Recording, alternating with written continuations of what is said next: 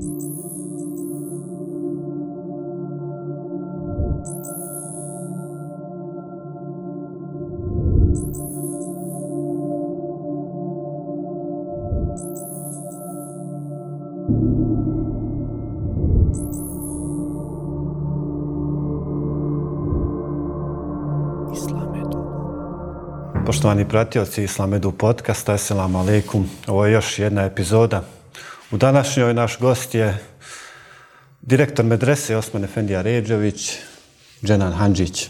Ne znam kako da oslovljavam direktore, moje profesore i tako dalje, ali evo, eselam alaikum i hvala vam što ste se odazvali, što jesmo ovdje u medrese. Alekum selam, dragi Hasane, i zadovoljstvo je imati priliku družiti se sa vama, evo između ostalog i u ovom formatu podcasta. E, u putu ovamo razgovarali smo o tome kako je sva ova ideja medu poprilično naslonjena na, e, alumniste Medresi Osman Fendija Ređević. Nas nekoliko koji jesmo odavdje potekli. evo nekako se s vremena na vrijeme vraćamo. Ovo je jedan od povoda. Evo neposredno prije ovog razgovora malo smo obišli Medresu. Evo Sadmir je tu, ja sam tu, Medresa Treje i prije i poslije nas će trajati. Gdje smo sada, šta je sa medresom? Pa, meni je drago da ste se vratili zato što ste na taj način potvrdili jednu ideju o kojoj ja često govorim, a to je činjenica da postoje dva prostora koji nas, koji smo prošli medresu, obilježavaju kao ljude, a to su roditeljska kuća i medresa oba ova prostora na skoro jednak način ili na jednako dramatičan način utiču na oblikovanje naših pogleda na svijet i drago mi je što ste se vratili jer je neko kazao da se ljudi uvijek vraćaju tamo gdje su jednom bili sretni.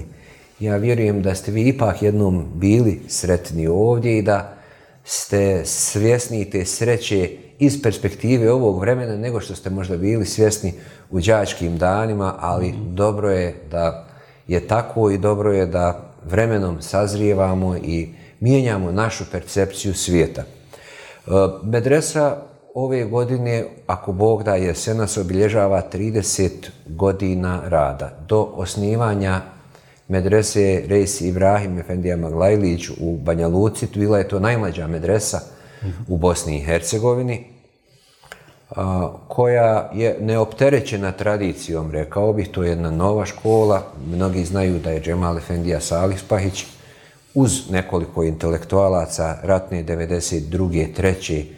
3 školske godine započeo sa idejom medrese ovdje, evo 30 godina kasnije, hvala dragom Bogu, tu smo gdje jesmo, onako u nekim najkraćim brojkama 60 i četvero zaposleni, 255 učenika sa 32 općine iz cijele Bosne i Hercegovine, preko 12.000 kvadratnih metara pod krovom, na preko 50 tunuma zemljišta, je dakle prostor u kojem se kreće ono što je medresa danas.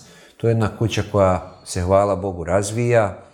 E, mi smo prethodne godine realizirali neke ambiciozne razvojne mhm. planove. A, sa njima ćemo nastaviti i ove godine zato da bismo odgovorili na izuzetan interes za upis u prvi razred, jer i kvalitet i broj učenika koji se prijavljuju za upis u prvi razred, unatoč poprilično sivoj sivo i sumornoj demografskoj slici u Bosni i Hercegovini, te naše brojke rastu i mi smo osjećali obavezu da omogućimo što većem broju onih koji žele upisati se u medresu da to i učine. A, tako da mi od 2019. primamo po jedno odjeljenje više nego smo primali e, ranije. Imamo dobre đake i e, reći ću samo da smo na posljednjem prijemnom ispitu primili 17 učenika generacije ili super odlikaša koji su imali sve petice od, od prvog do devetog e, razreda. Koncept medrese se također u međuvremenu promijenio. Mi smo pokušali zajednički sa našim osnivačima u islamskoj zajednici naći neki balans između e, ovog sakralnog i profanog, između znanja iz oblasti islamskih nauka, mhm. prirodnih, e, društvenih, pa i tehničkih znanosti u posljednje vrijeme. Medresa je evoluirala u školu koja, usudio bih se reći, prilično uspješno priprema mlade momke i djevojke za nastavak školovanja na različitim fakultetima i to je u stvari naš najbolji polog za budućnost. Ova 30. godina našeg rada je godina u kojoj ćemo zaokružiti jedan, jednu važnu fazu u našem razvoju i nadam se jesenac, možda čak i dakle, Islam Edu će na određeni način pratiti niz aktivnosti kojima planiramo obilježiti 30 godina našeg rada. Ako Bog da. E, meni je recimo zanimljivo prostor gdje se sada nalazimo u stvari. Mi smo ovdje nekada kupovali kiflice, e, sendviče i tako dalje. Bila je trgovinska radnja, a sada je šta u stvari? Pa ovo prostor u kojem se mi nalazimo je konferencijska sala Nasuh Matrakči. Mi pored, e, pored školskog amfiteatra koji je kapaciteta za oko 300 osoba, smo u međuvremenu u onoj godini pred koronu i dok je trajala pandemija, e, prostor koji je bio ranije poslovni prostor i skladište u stvari preuredili u jedan prilično lijep konferencijski prostor kojem mi realiziramo svoje sadržaje. E, medrese u Bosni i Hercegovini su prerasle koncept e, interakcije ograničene isključivo na takmičenja. Mi već odavno imamo programe za nadarene đake u svim medresama barem po jedan, tako da u uvjetima mimo pandemije nema mjeseca, a skoro da nema sedmice kada naši đaci ne idu negdje ili neko ne dolazi ovdje.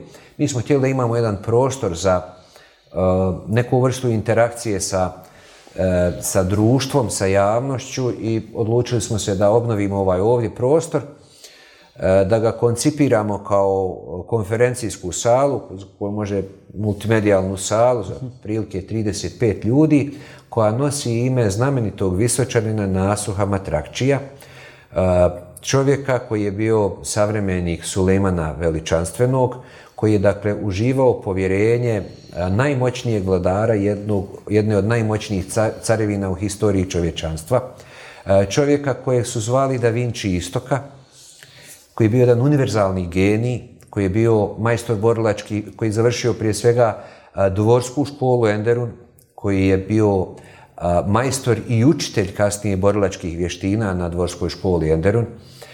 bio je izvanredan matematičar, izmislio jednu novu metodu množenja brojeva, bio je minijaturist, bio je e, geograf, bio je hroničar e, Sulejmanovog e, života, pisac Sulejman Nami. Dakle, ukratko je jedan univerzalni genij na način Da Vinčija. Zato je UNESCO 2016. godinu, upravo, mislim, 450 godina njegovog uređenja, proglasio godinom nasuha Matrakčija. I mi smo ovu salu zamislili kao mjesto susreta i željeli smo da se E, teme kojima će se gosti ili posjetioci ove sale baviti budu raznovrsni i univerzalni kao što je bio univerzalan genij Nasuha Matrakčija i zidove ovog ovdje prostora krase neke od njegovih minijatura koje nisu samo dekorativne nego i edukativne i kada neko dođe u medresu u Visoko, drago nam je da mu kažemo da je Visoko i grad Nasuha Matrakčija i da mi na određen način nastavljamo e, tradiciju univerzalnog genija Nasuha Matrakčija i bavljenja različitim naukama. Primijetit ću i reći ću u stvari da je e, to što ste kazali Nasuh Matrakčiju jedan mali sukus onoga, svih onih promjena koje je medresa u stvari donijela i predstavlja. Više od 20 godina ste u odgojno-obrazovnom procesu, nastavnom procesu, evo kako god ga e, nazvali. Od tada do danas što se promijenilo u Bosni i Hercegovini, u svijetu. E, želim da pitam ovo, gdje je obrazovanje u svemu tome i koliko je uspjelo odgovoriti promjenama u svijetu koji nas okružuje? Pa to je, Hasane, vjerovatno najvažnije pitanje kada je riječ o obrazovanju danas? Zato što je obrazovanje globalno u jednoj krizi. Neko je rekao kad bi se probudio neko danas koji je umro prije 200 godina ne bi prepoznao ništa osim školi. Mi smo svjedoci kako se brzo i nezaustavljivo i dinamično okruženje, društvo, ambijenti i atmosfera u kojoj živimo mijenja Škola je to malo ili nikako pratila. Škola u kakvu danas idu naša djeca je u stvari izum iz 17. stoljeća.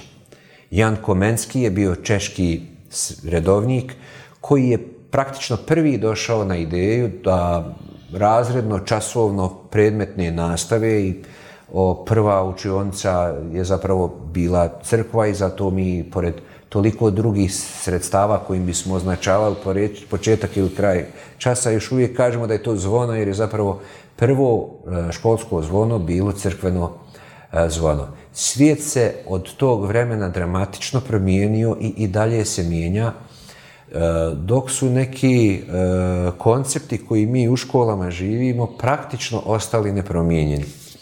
Mnogo je razloga za to, prije svega, dakle, obrazovanje je, dakle, sistem ili proces koji uključuje ogroman broj ljudi na eh, vrlo, vrlo, eh, dakle, heterogenih i uzrastom i dakle i polna struktura i uzrasna struktura i geografska eh, struktura i dakle infrastruktura koja sve to skupa prati je veoma heterogena.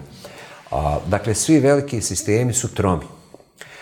Dalje, dakle, e, školstvo je nešto što je, dakle, javni servis, a, dakle, javni servisi ili javne usluge, one koje nisu komercijalizirane, one se također sporije mijenjaju. Imamo i sa tim problem.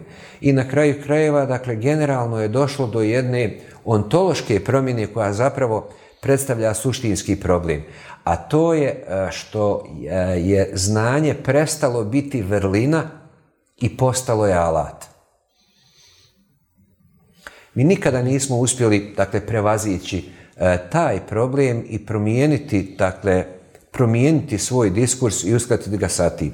Kako god je obrazovanje dakle, globalno u krizi, u jednoj ozbiljnoj krizi, e, možemo govoriti i o krizi obrazovanja i u Bosni i Hercegovini. E, mislim da je erozija ozbiljnija sistema obrazovanja u Bosni i Hercegovini objektivno započela njegovom regionalizacijom, odnosno davanjem ingerencija za obrazovanje ili spuštanjem tih ingerencija na nivo kantona. Nakon, evo, skoro 22 godine iskustva u obrazovanju, jednoj javnoj ustanovi, jer ova medresa je javna ustanova, dakle, moram kazati da regionalno jednostavno ne postoji dovoljna količina znanja i iskustva potrebna za kreiranje obrazovne politike. Regionalno ili kantonalno se mogu servisirati tekući problemi, pitanja i potrebe u obrazovanju. Ali kada je u pitanju kreiranje obrazovnih politika, kada je u pitanju strateško promišljanje, nažalost nigdje regionalno ne postoji dovoljna količina znanja i iskustva potrebna da se takvi poslovi kvalitetno radi. Mi plaćamo visoku cijenu fragmentiranosti naših sistema obrazovanja u Bosni i Hercegovini i to je nažalost proces koji još uvijek traje. Iako smo javna ustanova, mi u medresama, u ovoj medresi, u medresama inače, imamo jednu prednost što imamo islamsku zajednicu kao osnivača, što mi imamo dakle sedam odnosno osam medresa sa medresom u Novom Pazaru, to je dovoljno veliko da bi bilo sistem a dovoljno malo da može apsorbirati e, promjene koje su važne. A važno je znati dakle, da promjena nije događaj, nego proces. Mi, dakle, ne možemo, ne, e, pogrešno je pitanje šta treba učiniti da promijenimo ili da popravimo naš obrazovni sistem. To je nezavršeno buduće vrijeme. Dakle, promjena nije događaj nego proces.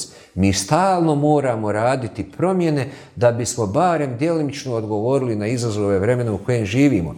Jer vidite, mislim, ja ne bih sada da, da širim e, nepovjerenje u obrazovni sistem, ali e, danas su veoma cijenjena i dobro plaćena zanimanja kojih, na primjer, prije pet godina uopće nije bilo social media administrator. To nije ni PR, nije ni novinar, nije ni, dakle, on nije ni fotograf, nije ni video snimatelj ili montažir, ali jeste sve od toga pomalo. Dakle, ovaj,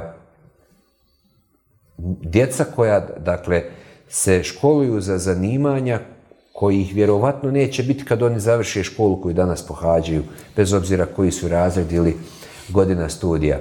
E, mi smo ovdje, dakle, u medresama i konkretno u medresi u Visokom to sve skupa shvatali malo dinamičnije i zato ako smo nešto postigli, postigli smo zato što smo pokušavali biti avangardni od nekih najizgled izgled trivialnih pitanja.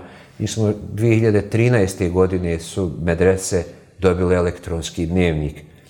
Nažalost, e, koliko mi je poznato, osim kantona Sarajevo, dakle, e, još uvijek nije došlo do digitalizacije, pedagoške administracije. To je nedopustivo. Mi smo, e, žalosno je da smo priviknuti da to prihvatamo kao tako. Pa i računovodstveni poslovi su se nekada radili na kartonskim karticama, ali i najokorijeliji i najkonzervativniji računovođe već odavno ne mogu zamisliti svoj posao na analogni način. Dakle, mi živimo u analognoj školi i ne samo to, dakle, pandemija je gurnula svijetu digitalizaciju, ali e, pogrešno je misliti da je došlo i do digitalizacije sistema učenja i prenošenja znanja sve ili ogromna većina onoga što smo svi mi, uključujući i ovu medresu, uradili tokom pandemije, a nije bilo e-learning, to je samo bio remote learning. Mi smo samo zapravo pritisnuti pandemijom, pokušali naći digitalne kanale putem koji smo nastavili predavati potpuno isto ono što smo radili prije mhm. toga. E-learning je nešto potpuno drugo i dakle to su koncepti koji su nama nažalost nedovoljno uh, poznati i o kojim se edukatori nedovoljno educiraju i svi na neki način pomalo plaćamo cijenu toga. Možda je malo neobično da neko ko dolazi iz, jedne srednje islamske škole, ko ima uglavnom dakle teološki neki obrazovni background, ovoliko insistira na digitalizaciji, ali mislim da je u moru šansi koje je naša domovina propustila, digitalizacija je vjerovatno posljednja za koju još nije kasno. Jer kad su u pitanju računarske, odnosno informatičke tehnologije, u pogledu e, infrastrukturalnih zahtjeva, oni su minimalni. U pogledu onoga što smo propustili, propustili smo ništa ili skoro ništa, jer se stvari toliko brzo mijenjaju da ono što je bilo prije tri godine više uopće nije ni važno. I mislim da sada da ima volje ili da ima razmišljanja ili da ima strateškog promišljanja, mislim da bi bilo neobično važno da se e, kroz naš sistem obrazovanja usmjerimo prema informacijskim tehnologijama i digitalizaciji svega. Svega toga što ste kazali, vidi se e, koliko je u stvari breme odgovornosti na mnogima, e, ali postoji jedna ključna figura o kojoj uvijek govorimo kada govorimo o odgojno-obrazovnom procesu ili nastavnom procesu, to je profil učitelja. Predavali ste, dugo ste predavali i, sve to radite sa nastavnicima, profesorima i tako dalje. E, šta je po vama, koji je po vama e, izvrsni neki profil učitelja, odgajatelja, profesora? Vjerovatno najvažniju pojedinačnu lekciju iz pedagogije sam dobio od moje rodice Šefike Eh, učiteljice u penziji koja mi je nekad davno, 2000-te kad sam počinjao, eh, rekla da su đaci poput nekih mala neka bića poput životinjica kojima kad uđeš u razred oni tačno i nepogrešivo osjete da li ti je stalo ili ih foliraš. I bezuvjetno se prema tebi i svemu što im donosiš odnose u skladu sa tim drugu najvažniju lekciju iz eh, pedagogije koja ima veze sa duhovnošću mi je dao naš Hafiz Ilko eh, lakonski kao što on to uvijek i govori rekao mi je da kaže Dženan jedna peć da bi ugrijala druge mora prvo ona biti vruća. Niko ne može postići ono što nije samo. I onaj ko nosi vrijednosti, prenosi vrijednosti. I svi to nepogrešivo osjećaju. I dakle, dobar nastavnik, dobar profesor, dobar učitelj, dobar muderis se ne postaje na jedan zanatski način. Prenošenje znanja je puno više od toga, pogotovo u svjetlu svega ovoga što sam kazao danas. dobar moderis, dobar odgajatelj, dobar učitelj može biti onaj ko voli znanje kao vrlinu, ko voli okruženje mladih ljudi koje mu omogućava da ja sam možda nekada bio i sebičan ili sam, često sam zapravo razmišljao najviše, ja sam neko ko je po vokaciji predavač, ko je sticajem Sudio bi se reći nesretnih okolnosti, jednog trenutka je bio neoprezan proglašen direktorom, istiran iz učionice ovaj, i svezom da se brine nekim drugim stvarima koje često nemaju, ama baš nikakve veze sa pedagogijom.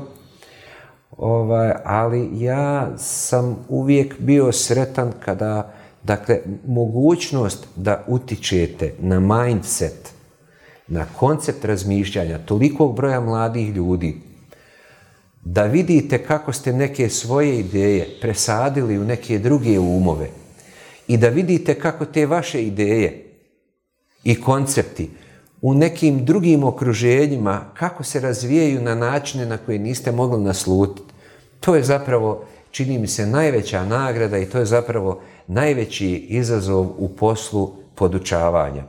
Naravno, izazova u svakom poslu ima. i Ja ne volim kad ljudi E, ponavljaju kao refren kako mi živimo u teškom vremenu. Svako je vrijeme te, pa teško je vrijeme bilo kad su djeca umirala od tuberkuloze ili skoro od gladi ili kad je, znate, ovaj, zlatna vremena, to je, to je samo naš umni konstrukt. Ja ne mislim da je baš previše zlatno vrijeme u kojem je pobjeda na da ne budeš gladan ili da te neko ne, ovaj, posjeće sabljom neka mimohodna.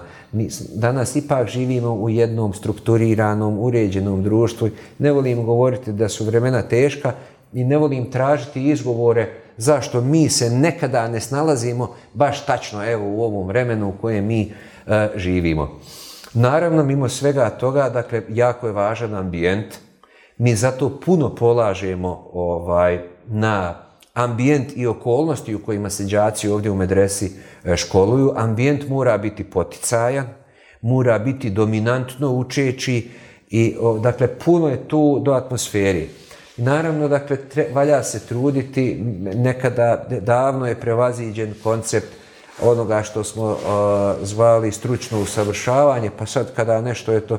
Dakle, danas se govori o profesionalnom razvoju. Dakle, ljudima treba omogućiti profesionalni razvoj. Ljudima koji su koji edukatori, edukatore treba educirati ne ponekad, nego im treba omogućiti da se profesionalno razvijaju i da njihove ideje dolaze do drugih ljudi. Mnogo stvari koje ste sada spomenuli, u stvari nalazimo u onome što zovemo ne znam, evo, radovi o islamskom obrazovanju ili insistiranje ili objašnjenje koncepta islamskog obrazovanja. Ako bi neko stva, pitao da li stvarno postoji taj koncept odgoja obrazovanja ili je to samo nominalno tako zbog, ne znam, prirode, medrese i tako dalje, šta biste izdvojili? Koje bi to karakteristike islamskog, odnosno tradicijski muslimanskog obrazovanja, odgoja i obrazovanja bilo? Pa vidite, ja generalno mislim da mi imamo problem sa tim eufemizmima koji počinju sa pridjevom islamski. Pa kažemo, o, kako, kažemo tako bombastično islamska ekonomija ili islamski odgoj ili obrazovanje ili islamski brak i porodica. ja mislim da to ne treba za početak imenovati tako. Mislim da postoji ekonomija koja je usklađena sa islamskim, sa principima, stavovima, moralom i tako dalje i ona koja to nije. Također mislim da postoji obrazovanje koje je usklađeno sa islamskim idealima i principima i ono koje nije. Porodica koja je usklađena ili koja nije, i, dakle, apsolutno nisam za dakle, tu neku vrstu ekskluziviteta u kojem Dakle, postoji, znate, ljudi pomalo mhm. neoprezno kažu islamska pedagogija. Da. Mislim da pedagogija može biti usklađena sa principima islama ili ne. Ili da postoji neka pedagogija koja je ekskluzivno sada za muslimane ili za neko islamsko okruženje. Mislim da je, ovaj, greška postavljati stvari tako. Mi smo ovdje, dakle, taj eh, duh univerzalizma, tu inkluziv, znate, ta muslimanska ekskluzivnost od imenovanja pa dalje je u stvari izraz naše slabosti. I mi smo ovdje u medresi taj koncept preusmjerili u, jedan potpuno inkluzivan koncept gdje mi, dakle, islamske nauke, prirodne ili društvene nauke, apsolutno ne pravimo razlike među njima. Dakle, niti postoje važni ili manje važni predmeti. Evo, dakle, pripremajući se za ovu ovaj, za ovu našu emisiju obišli smo malo sve skupa prostore i vidjeli ste da mi sa dakle, ovaj, dakle, mi se radujemo postojanju sekcije HIFSA. Sretni smo što ima značajan broj đaka medrese koji se opredjeljuju da postanu ili barem pokušavaju ponijeti časno zvanje Hafiza Kur'ana.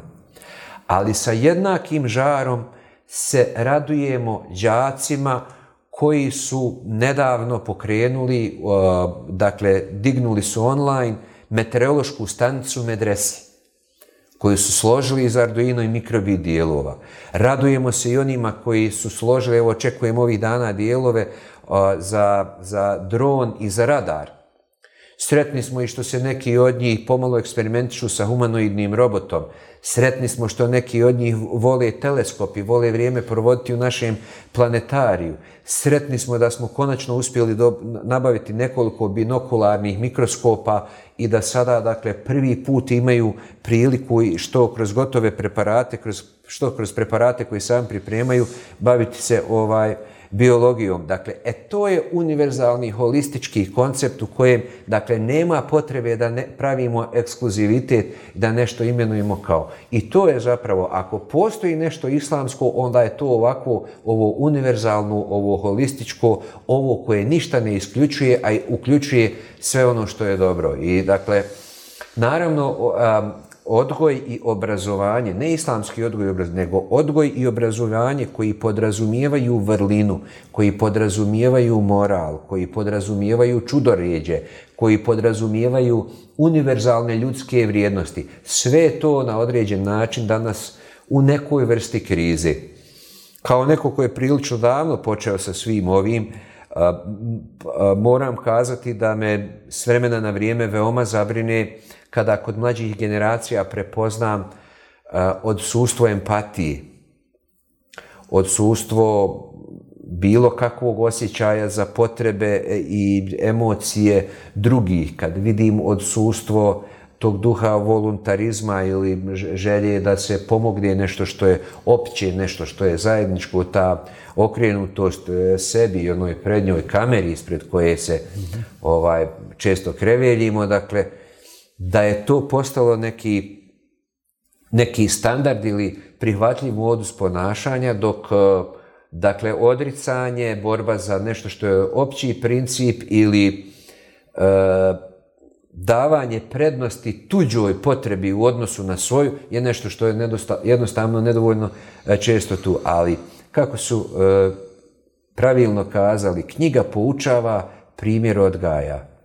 E, prirodno je da svako vrijeme ima svoje izazove, pa i ovo naše današnje vrijeme u onoj mjeri u kojoj oni koji odgajaju mlade generacije mogu biti role model, u kojoj mogu biti uzor, u kojoj mogu biti primjer, u toj mjeri ćemo biti uspješni u prenošenju tih vrijednosti.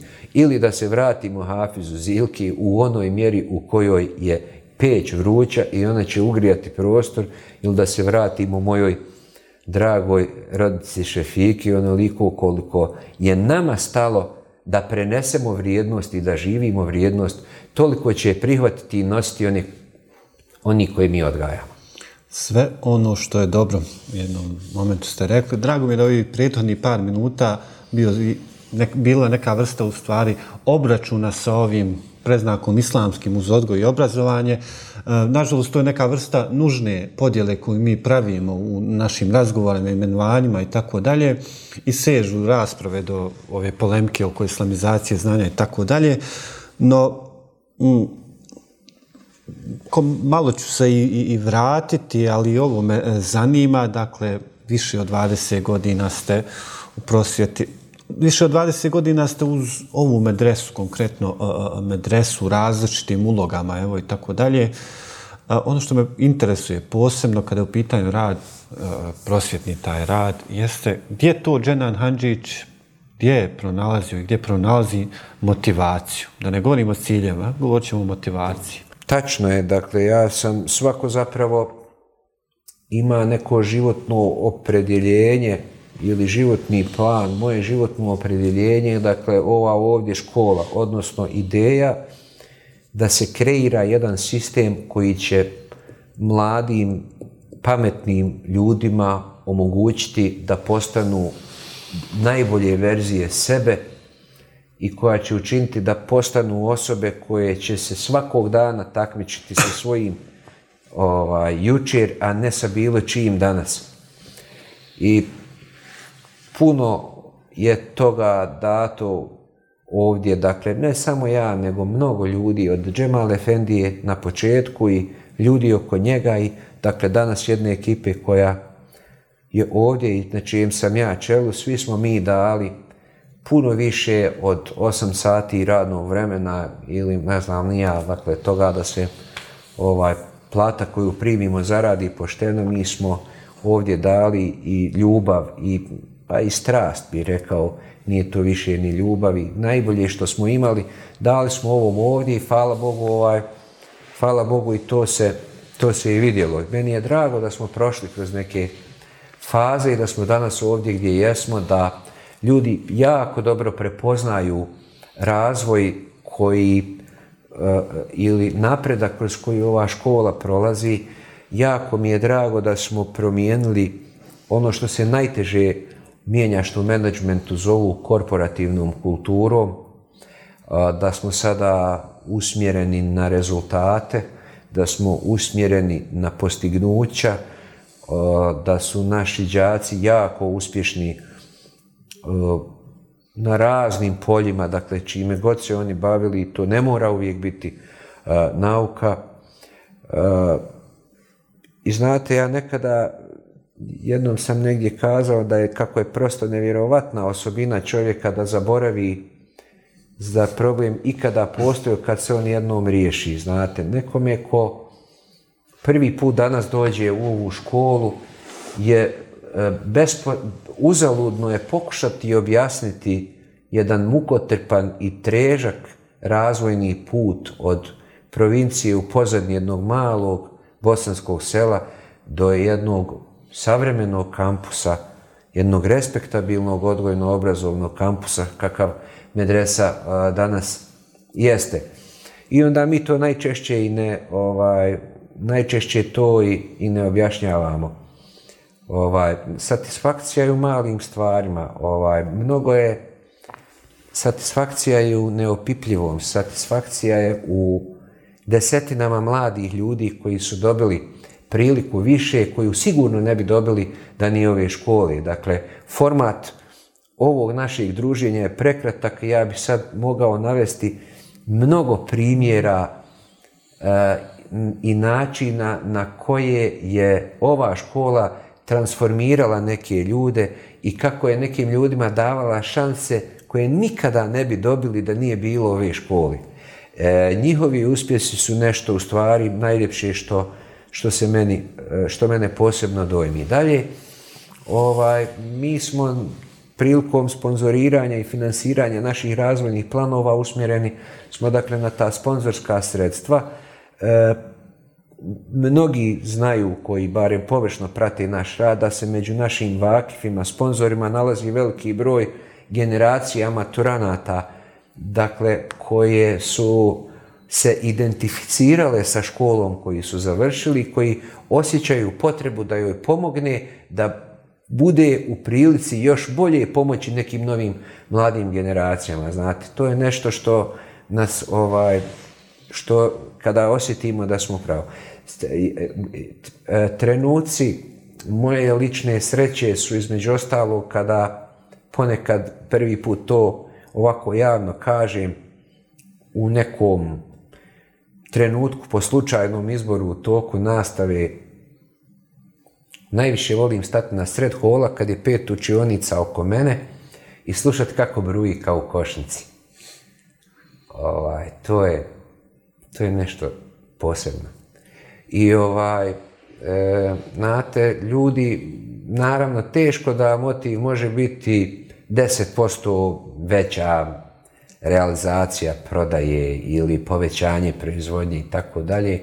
A zapravo vrijednost ovom našem poslu daje to što to nije posao koji bilo ko radi za bilo koga od nas pojedinačno. To je, dakle, opće dobro, vakuf, trajno dobro ovaj, svih ljudi onaj, i dakle to će ako Bog da živjeti jednog trenutka kada neko drugi umjesto mene bude sve ovo skupa vodio, ali ja se još uvijek nadam da će dakle, ovo biti prostor koji će pametnim, e, pametnoj djeci, momcima i djevojkama iz cijele Bosne i Hercegovine, bez obzira jesu iz tih urbanih ili ruralnih sredina, omogućiti priliku više i omogućiti im e, dakle, da dobiju šansu koju bez ove škole možda nikada ne bi dobili. Vraćam se malo e, u stvari, spomenut ću ono što se tiče te neke vrste neformalnog obrazovanja, spomenut ću ono što jeste jedan medresanski brend, a to je mala medresa koja traje godinama. E, zanima me zašto mala medresa, zašto taj model, zašto je on tako privlačen uopće? Volio prije nego što odgovorim direktno na pitanje, napraviti jedan mali e, uvod. 2008. godine u saradnji sa šerif Efendi Obdelićem, tadašnjim imamom džemata e, Bošnjačkog u St. Louisu, e, ja sam napravio koncept koji je nazvan Mala medrese. Koncept ljetne škole koja traje 15 dana, koja ima tinejdžere uzrasta od 14 do 18 godina za ciljnu grupu i mi smo kasnije 2013. ako se ne varam, u saradnji sa doktorom Sabahudinom Čemanom, muftijom Islamske zajednice Bošnjaka Sjeverne Amerike, nastavili, dakle, partnerski realizirati taj projekat mi kao medresa sa Islamskom zajednicom Bošnjaka Sjeverne Amerike kao krovnom organizacijom Islamske zajednice tamo. to je ljetna škola koja, je ciljna grupa tinejdžeri uzrasta od 14 do 18 godina, koji ovdje provedu 15 dana. U pravilu je to od 1. do 15. jula, osim ove godine kad ćemo to morati malo naprijed u godini pomjeriti radi e, Kurban Bajrama. E, tokom tih 15 dana ovdje e, oni treba da nauče nešto o svom nacionalnom i vjerskom identitetu.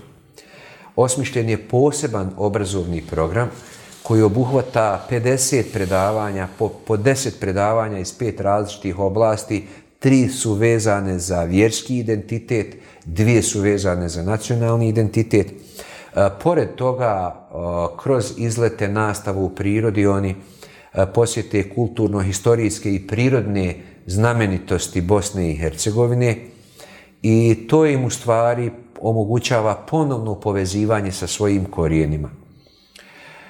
Zašto sa Sjevernom Amerikom? Zato što, prvo zato što je njima to najpotrebnije, zato što bošnjačka dijaspora, evropska bošnjačka dijaspora dolazi svake godine na odmor ovaj, u domovinu i dakle gledaju kablovske kanale društvene mreže i tako dalje Dakle, stalno su u kontaktu u nekoj vrsti interakcije, dok Sjeverna Amerika rijetko dolazi ovdje, dakle, američka dijaspora, rijeđe, što je potpuno logično zbog mhm. troškova i daljine. E, I drugo, radi vremenske razlike, manje gledaju ovaj, ove programe na bosanskom jeziku i onda je taj proces asimilacije mnogo brži nego na prostoru Europi. Drugi razlog zašto sa Sjevernom Amerikom, zato što je to s njima najteže uraditi. Jer ako se to može uraditi sa Sjevernom Amerikom, onda može sa svima. I treći razlog zašto sa Sjevernom Amerikom, zato što dr. Sabahudin Čeman. Zato što dr. Sabahudin Čeman je e, jedan divan čovjek i vizionar koji veoma dobro razumije potrebe vremena, koji je izvanredna osoba za saradnju, koji je skupa sa nama vjerovao u ovaj projekat, dao nam podršku na terenu i učinio ga u stvari ovaj, E, mogući. E, mi smo, stotine je kandidata prošlo svih ovih godina kroz malu medresu, e, oni na kraju tog programa izvrši se evaluacija znanja, dobiju diplome. Mnogima od njih je to bila prva posjeta Bosni i Hercegovini. Najveći broj njih se prijavio da dođe još jednom ovdje. 2019. pred pandemiju kad smo posljednji puta imali malu medresu, imali smo 54 e, kandidata, 30 smo ih zamolili da e, sačekaju jer su htjeli neki i po treći put da dođu ovdje i nevjerojatno je bilo svjedočiti transformaciji koju oni dožive ovdje. I znate, mi smo sami također doživljavali neke transformacije, mi smo mnogo učili kroz interakciju s njima, ali između ostalog dirljivo je bilo vidjeti, na primjer, jedno od nezaobilaznih mjesta su potočari. E, vi djeci, dakle, 80% njih prvi puta dolazi u Bosnu i Hercegovinu i vi kad dođu u potočari, kad izađu iz autobusa, ne trebate im reći ni jednu jedinu riječ. Oni nepogrešivo pravilno osjećaju, doživljavaju i reagiraju na činjenicu neposrednog susreta sa posljedicama genocida. E, I tako, dakle, da smo mi htjeli da obrazujući te mlade ljude zapravo odgojimo drugu generaciju koja je uglavnom rođena ili ako nije rođena onda je dakle odrasta e, bez kontakta sa domovinom. Želja nam je da oni ostanu vezani za svoj vjerski i nacionalni identitet, da čuvaju islamsku zajednicu Bošnjaka Sjeverne Amerike i sretan sam što smo nakon dvogodišnje pauze prouzrokovane pandemijom evo nedavno postigli dogovori da i ove 2022. godine nastavljamo sa našim e, projektom Male medresi. E, najveći kapital koji smo mi stekli u prethodnim godinama je povjerenje i kandidata i roditelja, jer trebalo je mnogo da se stekne povjerenje roditelja da maloljetno dijete, sina ili kćerku stavi na avion, isprati na aerodromu na nekoj tačici u Americi. Najdalje su nam dolazi iz San Diego u Kaliforniji, to je krajnji jugo-zapad Amerike. I pusti nekog nepunoljetnog da preleti cijeli jedan kontinent i cijeli jedan okean i pola drugog kontinenta i da dođe ovdje. Znate, i sami roditelji imali su mnogo predras, briga više. Bojali su se za sigurnost opću, za sigurnost u saobraćaju, za higijenu, za jelovnik, za sposobnost svoje djece da se brinu o se 15 dana. Mi smo sve te predrasude pobijedili i zapravo je došlo do jedne eksplozije povjerenja i u toj predpandemijskoj godini smo se mi dogovorili, pošto je Dakle, ogroman pritisak bio je na Sabahudin Efendiju. Naš smo bili način da uvedemo drugi kolosijek. Jednostavno smo ove povratnike na mjesto zločina morali smo ih tretirati. Da smo se odlučili da za njih proizvedemo novi nastavni plan i program i udžbenik i da imamo ovaj, kao prvi kao osnovni i kao napredni e, tečaj i da se to odvija na, na dva kolosijeka gdje bi oni samo u stvari u isto vrijeme bili ovdje, a njihove se međusobne aktivnosti ne bi podudarale. Jer nama je jako važno od samog početka bilo da pružimo kvalitet, odnosno da rukom i dušom dotaknemo svakog od tih naših polaznika, jer samo na taj način mogu zaživjeti transformaciju koju svi želimo. Bilo je lijepo slušati, znaju moje kolege, znam i ja, dok smo ako pa, je, imao priliku posjeti Ameriku, da, da se priča o maloj medresi u stvari.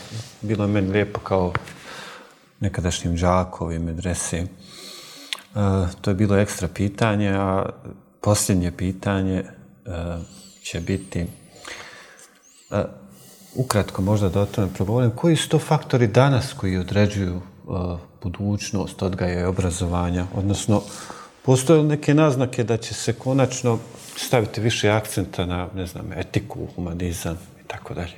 Tri su pravca koji su važni za cijeli današnji svijet, pa i obrazovanje. To su brzina, protok informacija i promjene. Ta tri koncepta ne, može, ne smije zaboraviti niko ko želi ne, napredovati, nego uopće opstati. Dakle, brzina, protok informacija i promjene.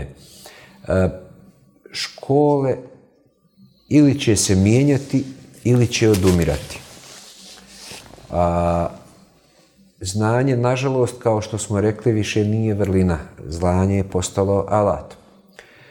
E, mislim da nije neka, da nije budućnost obrazovanja u biologiji koliko baja ima nogu, hemi, promješaj pa baci.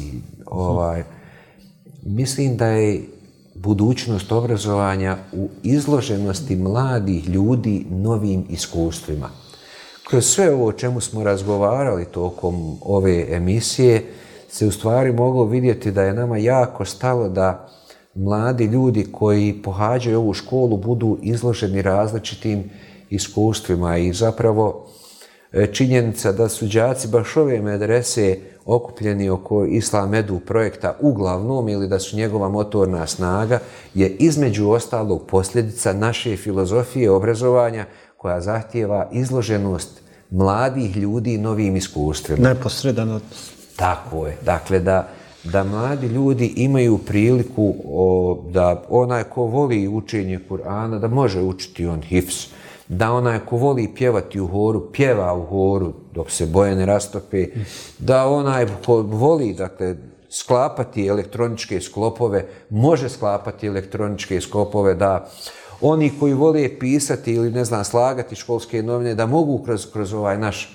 E, šahid, praviti neke svoje ovaj, prve korake. U tome, je, u tome je budućnost. Dakle, budućnosti, budućnost ili će biti etična, ili će biti moralna, ili neće biti. I dakle, bezuvjetno, kroz sve to, dakle, mi moramo nastaviti, ako makar znanje nije vrijednost, onda ne smije znanje biti lišeno vrijednosti. I to su zapravo ti ovaj e, procesi koji se ne smiju, ne smiju odvajati. Zapravo obrazovanje ili proces u kojem daješ ljudima da imaju obraza, što obrazovanje je zapravo odgoj, ne bi trebalo izdvajati od toga i kao što znate u engleskoj tradiciji i nema ili skoro, ma nema u klasičnom smislu, dakle nema pojma koji bi zamijenio naš pojam odgoja, nego je on integriran u ono što education jeste. I dakle, ta, u tom je možda i treba gledati ovaj edukaciju. Mislim da nam je potrebno mnogo više strateškog razmišljanja. Mislim da nam je potrebna borba za dostojanstvo učitelja, modernisa, borba za njihovo dostojanstvo na način na koji se to možda dogodilo u nekim skandinavskim zemljama i zapravo e, svakim danom je sve uži krug šansi koje su nama kao društvu i državi ostale, jedna od zaista posljednjih i najizdašnijih je obrazovanje. Ja se nadam da ćemo imati dovoljno snage da prepoznamo značaj obrazovanja i da učinimo promjene koje su potrebne da obrazovanjem ovo društvo učinimo boljim, snošljivim. Mnogo je dakle primjera koji nam o svemu tome govori. Jer dakle, historijske zakonitosti nam kazuju da ne postoje sretni i nesretni narodi. Da uspješnost ili neuspješnost nekih naroda apsolutno nije geografski, reljefno ili historijski determinirano, nego da postoje isključivo dobro organizirana društva i loše organizirana društva. Ja još uvijek mislim da i vjerujem da imamo šansu da postanemo dobro organizirano društvo, a put u dobro organizirano društvo vodi kroz dobro organizirano prvo školstvo, pa onda zdravstvo, pa onda sudove, pa onda, onda, onda i tako dalje. Drago mi je da završavamo optimistično. Moje profesore, naš profesore, direktore ove škole, hvala vam još jednom. Hvala vam. Poštovani pratioci Islamedu podcasta, do narednog puta. Esselamu alaikum.